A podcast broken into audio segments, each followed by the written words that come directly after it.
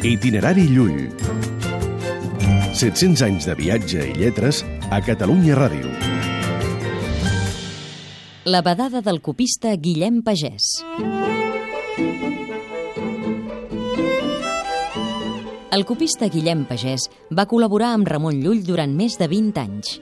Va copiar per ell almenys sis manuscrits. El més impressionant és el del llibre de contemplació de la Biblioteca Ambrosiana de Milà. Llegim el colofó. Jo, Guillem Pagès, prevera, amb l'ajuda de la gràcia divina, a Ciutat de Mallorca.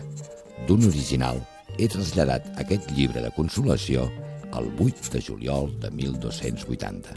Després de copiar més d'un miler de pàgines, al final s'equivoca i en lloc de llibre de contemplació escriu de consolació. La ment humana de vegades segueix camins curiosos. Itinerari Llull.